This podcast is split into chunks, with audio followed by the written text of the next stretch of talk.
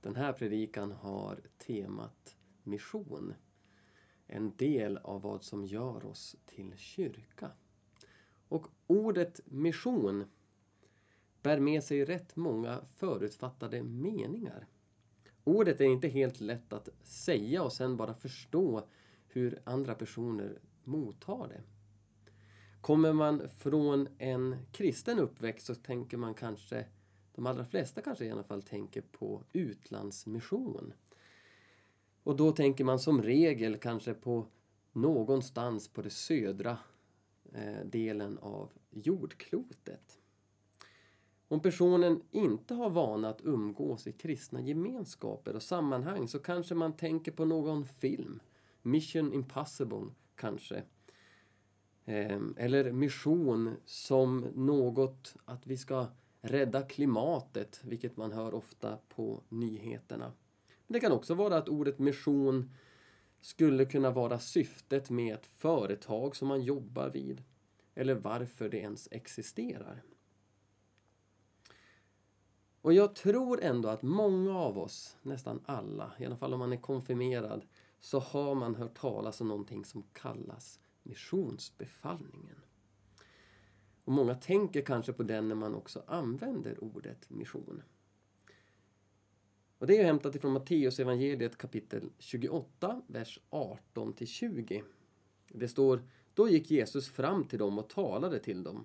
Åt mig har getts all makt på himmelen och på jorden. Gå därför ut och gör alla folk till lärjungar. Döp dem i Faderns och Sonens och den helige Andens namn och lär dem att hålla det bud jag har gett er. Och jag är med er alla dagar till tidens slut. Men vi har även Jesu ord i Johannesevangeliet i kapitel 20, vers 21 och 22. Jesus sade till dem, frid åt er alla. Som Fadern har sänt mig sänder jag er. Sedan andades han på dem och sade, ta emot helig ande.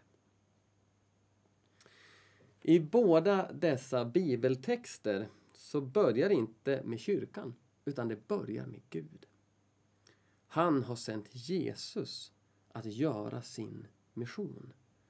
Gud är också den som har gett Jesus denna makt. Missionen börjar alltså hos Gud. Det är alltså Guds mission och Jesus sänder kyrkan att ta del i den. Det här brukar vi kalla för missio dei, Guds mission. Mission är alltså inte någonting som vi lägger till i våra kyrkor eller i våra kristna gemenskaper, utan det är en del av vad som gör oss till kyrkor. Det är ett aktivt varande. I missionsbefallningen så är alla verb aktiva verb. Ehm, och Det är någonting som säger att det här är någonting som ska fortsätta. Huvudfokuset i missionsbefallningen i Matteus evangeliet kapitel 28, det är att göra lärjungar. Och då finns det några sätt vi gör detta på och kan nå in till möjligheten att få göra lärjungar. Det ena kan vara att gå ut, men det är också att lära människor som är nyfikna. Och också att döpa dem är olika sätt hur man får ta del i det här äh, lärjungalivet. Så att göra lärjungar är alltså huvudfokuset. Och Jesus säger också att några sätt vi kan göra det på det är att gå ut, vi kan lära dem och vi kan döpa dem. Det betyder att vi är sända här och nu. Vilket innebär att det inte bara sända till utlandsmissionen. Alltså, vi får bara sända där du och jag är just nu. Bland våra grannar, bland våra kollegor, bland våra träningskompisar i idrottsföreningen. Mina kompisar som jag ofta umgås med. Men också främlingen på stan och den här personen som jag bara möter en gång. Listan skulle kunna göras mycket, mycket längre. Och Jesus är våran vägvisare i hur missionen ska levas ut. Vi ser gång på gång hur Jesus möter människor och gör lärjungar av lärjungarna. Och de kvinnor som följer med honom och de personer som tar del av hans undervisning. Och vissa av de här väljer att vandra med honom genom hela hans liv och sen fortsätta den här vandringen när Jesus åker till Fadern. Mission, det är att dela evangeliet. Alltså den stora berättelsen som Bibeln berättar om skapelse, fall, försoning, frälsning och evigt liv för dem som tror. Men också att vandra med människor och göra dem till lärjungar. Det är inte bara att berätta det här för dem och sen tänka att de ska lyckas med det här på eget hand utan vi ska också medvandra med dessa människor som har nyfikenhet och är intresserade av att veta mer om Jesus. Och jag vill också säga att mission absolut är något som vi kan göra i utlandet också.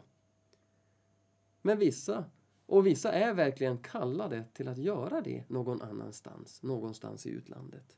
Men jag tror kanske att de allra flesta, och jag skulle vilja betona det också, är sända att vara missionärer i de liv som vi redan lever. Som individer, men också som gemenskaper. Din kyrka, din förening eller din församling. Ni är kallade som missionärer där ni är. Sen slutar det inte med att vi delar evangeliet och gör lärjungar.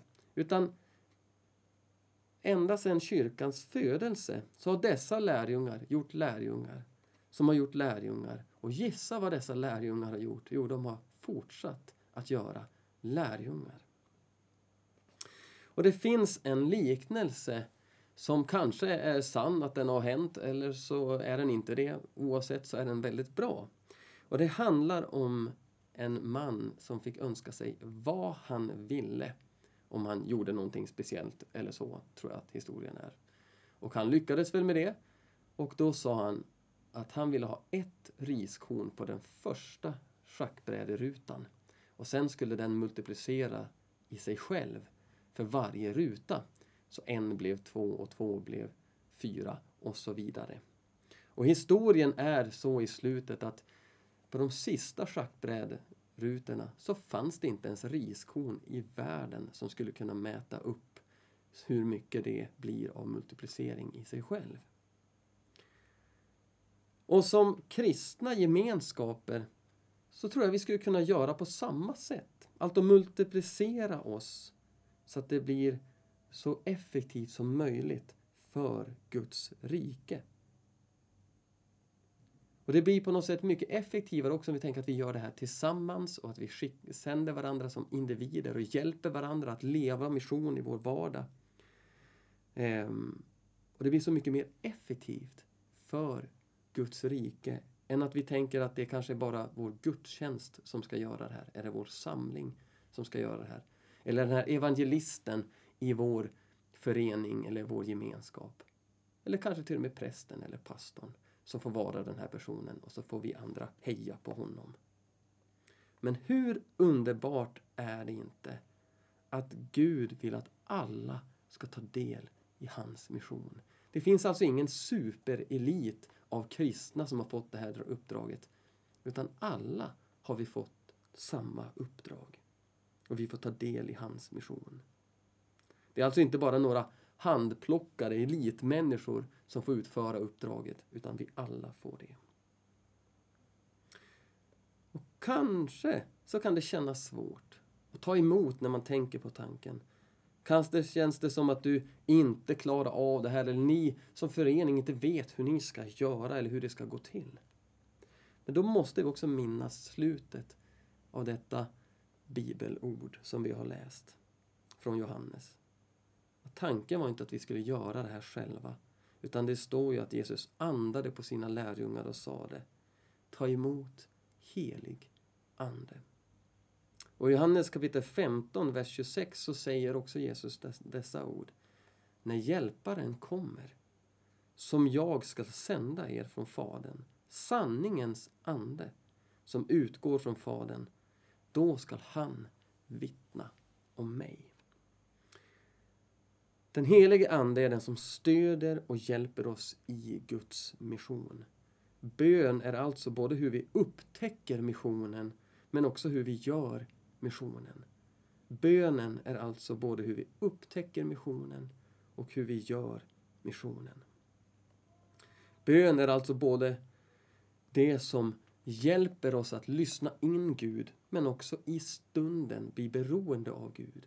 Och jag tror att det är just så det ska vara. Att vi lever i det här beroendeskapet av honom så att det blir av hans kraft och hans gärning som leder till att människor får höra om honom.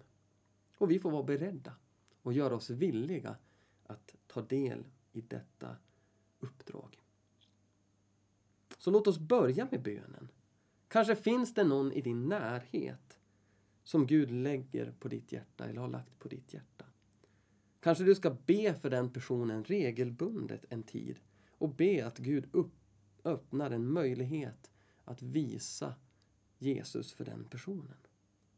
Jesus ger till sist ett löfte i slutet av Matteus evangeliet där han lovar att vara med oss alla dagar till tidens slut. Och Många gånger så tror jag kanske att vi kristna har citerat det här helt lösdraget ur sammanhanget. Men sammanhanget är alltså när vi just gör detta, när vi gör lärjungar. När vi går ut, döper och lär. Då säger Jesus, då är jag mitt ibland er, då är jag där. Då är jag med er alla dagar till tidens slut. Och han som är trons upphavsman och fullkomnare, han som är början och han som är slutet, han som är kungars kung och herrars herre, han är den som vill bära dig och din kyrka i detta uppdrag. Och genom sin ande vill han bära dig i hans mission.